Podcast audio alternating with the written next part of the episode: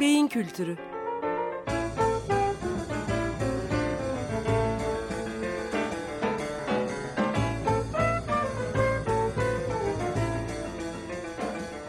Tarihten, sanattan ve edebiyattan örneklerle beyin.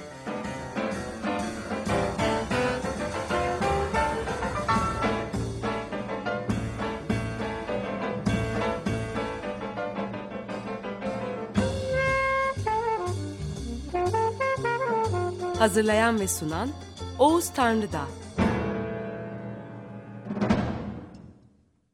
Merhabalar efendim.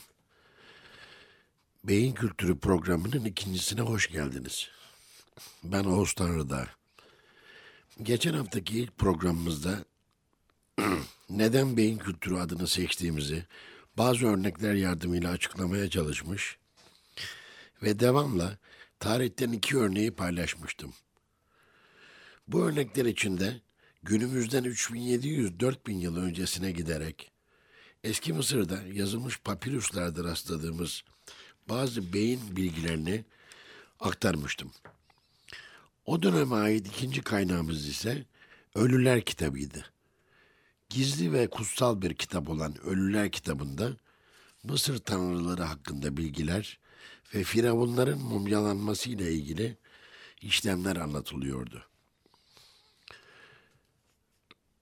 Ben bu kaynaklardaki bilgileri beyin kültürü açısından yorumlamadan önce genel bir giriş bilgisi yaratabilmek ümidiyle kütüphanemde bulunan beş kaynaktan yararlandım. Sizlerle bu kaynakları paylaşmak istiyorum kısaca. Birinci kaynağım iletişim yayınları arasında 1986 yılında basılmış Atlaslı Büyük Uygarlıklar Ansiklopedisinin eski Mısır konulu iki nolu cildi. İki, Dost Kitabevi yayınları arasında 2000 yılında basılmış olan Yves Bonnefoy'un Mitolojiler Sözlüğü. 3. Oğlak Güzel Kitaplar serisinden 2006 yılında basılmış Signier ve Tomazo'nun Larus Gizli Örgütler kitabı. 4. Şambala yayınları arasında 1997 yılında basılmış Encyclopedia of Ar Archetypal Symbolism. 5. Oxford University Press e, yayınları arasında 1994 yılında basılmış ve ikinci basımı 2000 yılında yapılmış olan Stanley Finger'ın Origins of Neuroscience, nörobilimin kökenleri, kaynakları. Bu kaynaklardan ilk dördü anladığınız gibi eski Mısır kültürü konusunda bilgiler veren genel kültür kitapları, sonuncusu ise kültürel bilgileri genel bilgiler uzamından beyin kültürü uzamına taşıma taşıyacağını umduğum bir nörobilim tarihi kitabıdır. İncelediğimiz papirüslerde e, kafa yaralanmaları geçiren askerlerle ilgili tıbbi bilgiler yer alıyordu. Bu bilgiler kafa yaralanması yoluyla etkilenen e, kişinin beyninin o kişinin gövde hareketleriyle ve konuşmasıyla ilişkilerine dairdi.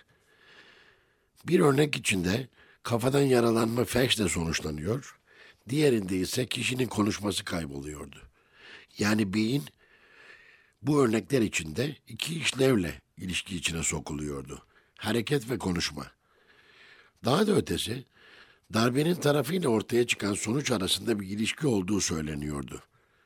Gövdede ortaya çıkan felç, kafada darbe alınan tarafla çapraz bir ilişki içindeydi. Ve konuşmanın kaybı her türlü kafa darbesinin sonucu olmaktan çok sol tarafa alınan darbelerin sonucuydu. Papirüs'te yer alan 48 vakanın nörolojik diyebileceğimiz olanlarında kafa yaralanmalarıyla kişinin hareketleri ve diğer işlevleri arasında bu tür ilişkiler kuruluyordu. Hatta bunlardan birinde başka tür bir ilişkilendirme bile vardı. Yaralanan kişinin muayenesi sırasında kırılan kafa kemiği düzeltilmeye çalışılırken vücudunun karşı tarafında şiddetli kasılmalar olmuştu. Bu üç örnekten de görüleceği gibi beyin tıbbi bir tanımlama içinde ele alınıyor ve sebep sonuç ilişkisi içinde insanın bazı işlevleriyle ilişki içine sokuluyordu. Mantık günümüzde nörolojide kullanılan mantıktı. Üstelik ilişkilendirmeler konusundaki bilgi içeriği de değişmemişti. Beyin hareket organıdır ve her bir beyin yarısındaki hareket merkezleri karşı gövde yarımını hareket ettirirler. Nitekim gündelik pratik içinde bir tarafı felçli olan bir kişiyle karşılaştığımızda bunun nedeni konusunda ilk planda felcin karşı tarafındaki beyin yarımı e, değerlendiriliyor. İkinci olarak kafanın sol tarafına alınan bir darbe konuşma eğitimine yol açıyor. Ancak benzeri bir duruma sağ tarafa alınan darbelerle rastlanmıyordu.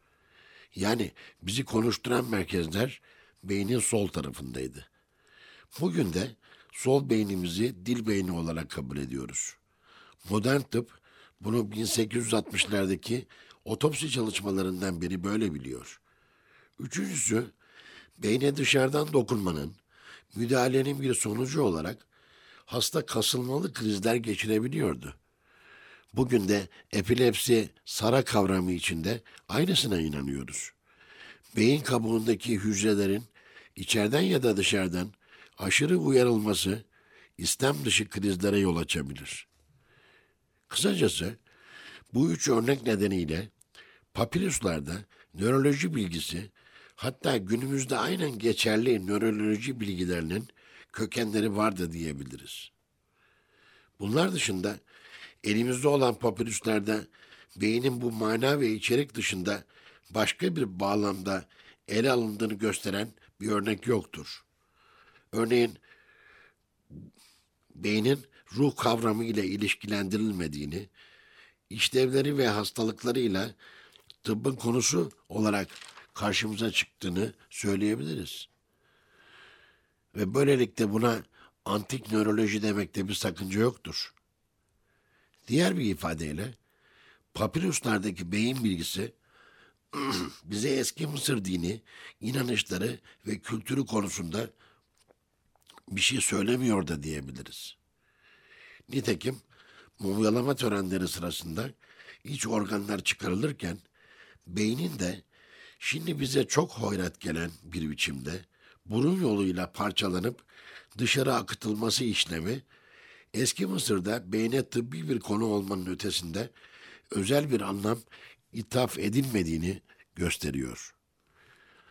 Ancak nörolojik bakış açısı gibi modernizm ve rasyonalizmle birlikte ele alınan maddi nesnel bir yaklaşım tarzının köklerini eski Mısır'da bulmak bile başlı başına bir olay ve eski Mısır'da hastalıklara yaklaşımda tıbbi yaklaşımlarda hastalıkların nedeni ve sonucu irdelenirken seküler bir yaklaşımın da olduğunu söyleyebiliriz. Bu varsayım bir başka örnekte kuvvetlenir. Bu da diğer kaynağım olan Ölüler kitabında yine vücuda, bedene ait bir parçaya, organa atfedilen bir anlamdır ki bu anlam beyin kadar gerçek olan kalp organından yola çıkarak bu sefer hareket, konuşma gibi maddi işlevlerle değil, kişilik yapısı ve zihin güçleriyle kurulan bir ilişkidir. Bu ilişkinin topluma yansıtılmasında doğal olarak eski Mısır'ın toplumsal sistemi devreye girer. Eski Mısır otokratik, köleci bir toplumdu. Burada diğer köleci toplumlarda da olduğu gibi köleler insandan sayılmadığı için onlar hakkında en ufak bir bilgiye rastlamak söz konusu değildir. Bugün piramitlerin kimler yapı tarafından yapıldığı konusunda yaşadığımız belirsizlik, hatta piramitlerin yapılmasını uzaydan gelenlere bağlama konusundaki fantazi, bu redden kaynaklanmıştır diyebiliriz. Aynen ABD'nin 19. yüzyılda dünya sahnesinde dokuma ve tekstil gücü olarak yer almasında güney eyaletlerindeki plantasyonlarda çalışan yüz binlerce siyah köleden hiç söz edilmemesi gibi. Dolayısıyla papirüslarda ve ölüler kitabında köleleri, kölelerin hastalığını aramak boşunadır. Her ikisinde de her şey firavunlarla, onların aileleriyle, ruhban sınıfıyla, askerlerle ve tırnak içinde özgür vatandaşlarla ilgilidir. Ölüler kitabında papirüslerdeki beynin yerini kalp alır.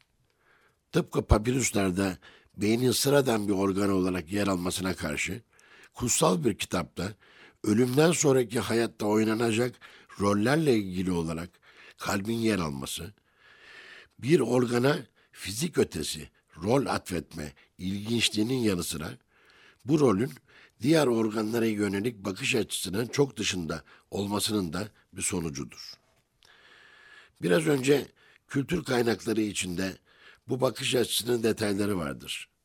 Biraz önce belirttiğim kültür kaynakları içinde bu bakış açısının detayları vardır. Örneğin Şambala'nın Arketipal Sembolizm Ansiklopedisinde Anubis ve Kalbin Tartılması isimli bir bölüm vardır. Bu bölüm bir cenaze ritüelini anlatmaktadır.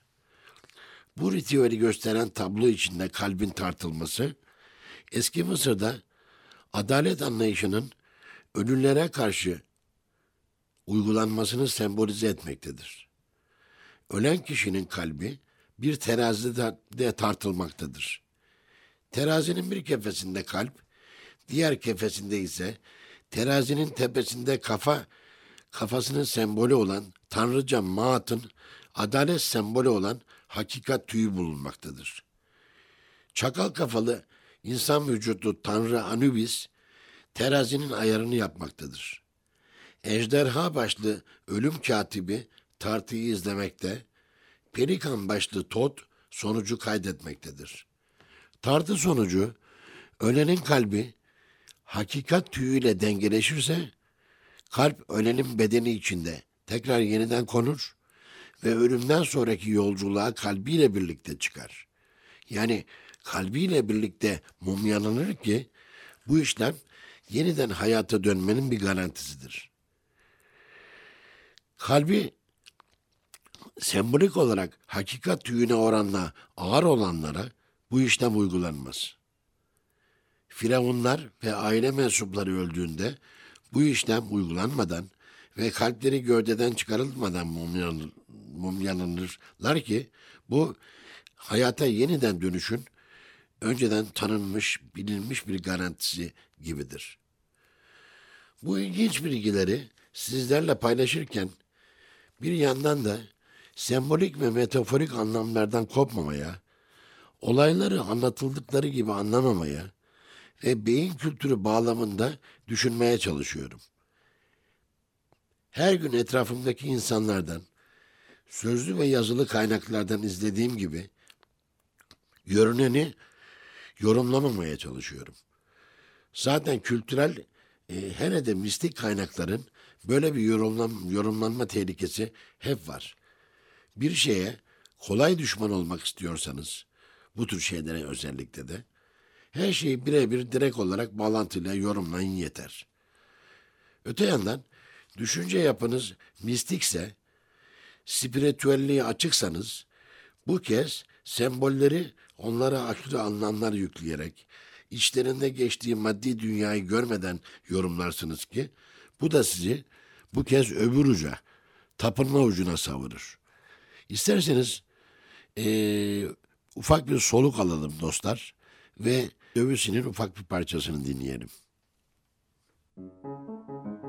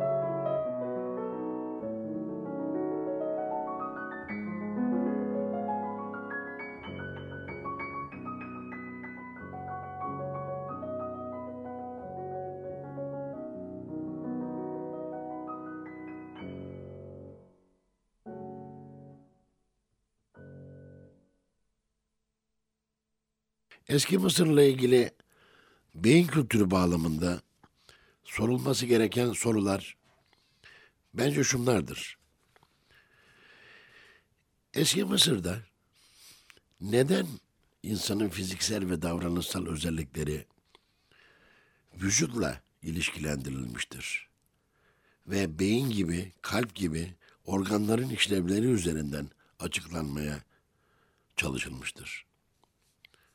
İkincisi, insanın yeniden hayata dönmesinde neden mumyalama gibi bedenin uzun süre korunmasına ve bu korunma yoluyla yok olmasının yavaşlamasına neden olan bir çaba söz konusu olmuştur. Bu iki soruda soruyu sormamın e, nedeni olan düşünce e, onca mistik ve tanrısal e, mantığa ve adalete dayanan bir sistemleri olmasına rağmen kendilerinin e, vücuda, vücudun işlevlerine ve bu arada beyin ve kalbin özel olarak da işlevlerine merakının nereden geldiği e, konusudur. Bu sorulara tarihsel kaynaklar çerçevesinde yanıtlar arandığında cevapların oluşmasına yardımcı olabilecek bilgiler şunlar olabilir. Eski tarihçilere dayandırılan bilgilere bakıldığında Homeros'un ve Herodotus'un aktardığı bilgilerde eski Mısır binlerce yıl süren krallıkları döneminde tıbbın o dönemin dünyası içinde çok gelişmiş olduğu, hastalıkların ve tedavilerinin sınıflandırıldığı bir medeniyettir. İkincisi, çoğunluğu 19 ve 20. yüzyıllarda çevrilen papirüsler, binlerce yıllık uygulamaların sürekli olarak kaydedildiği yazılı belgeler, diğer bir deyimle literatürlerdir. Bu belgeler arasında tümüyle tıbbi amaçlarla yazılmış olanları da vardır. Ebers papirüsü, Edwin Smith papirüsü gibi bunlar tamamen tıbbi amaçla yazılmış papirüsler. Bu kaynaklara dayanılarak e, birinci yanıtımız ortaya çıkar. Eski Mısır'da tıp çok ileriydi. Diğer organların yanı sıra beynin işlevlerine yönelik bilgiler bence bunun sonucudur. Beyinle ilgili hiçbir felsefi ve mistik bilginin olmaması da bunu destekleyen bir e, faktördür. Modern tıp ve sosyal bilimler arasındaki ilişkilere baktığımızda, şu andaki uygulamada ilişkilere baktığımızda, sosyal bilimlerle tıbbın tamamen ayrı alanlarda uygulandığını ve birbirinden bağımsız pratikler içinde olduğunu görürüz. Dolayısıyla eski Mısır'daki örnek sanki buna benziyor.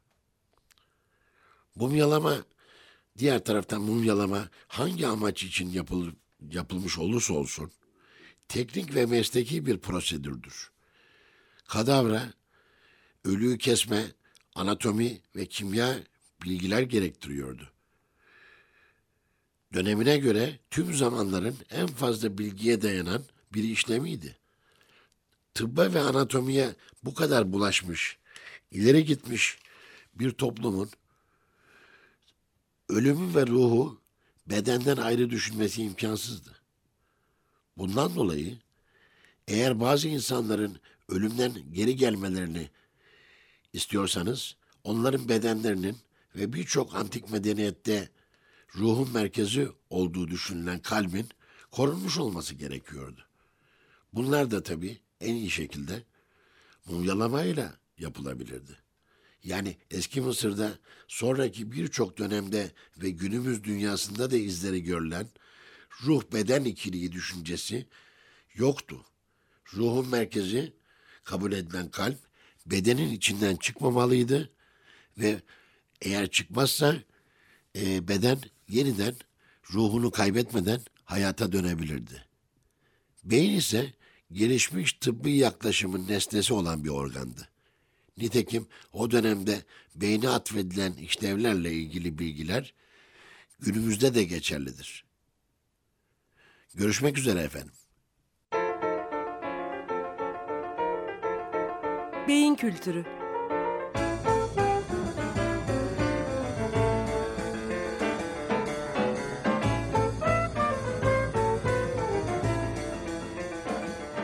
Tarihten, sanattan ve edebiyattan örneklerle beyin.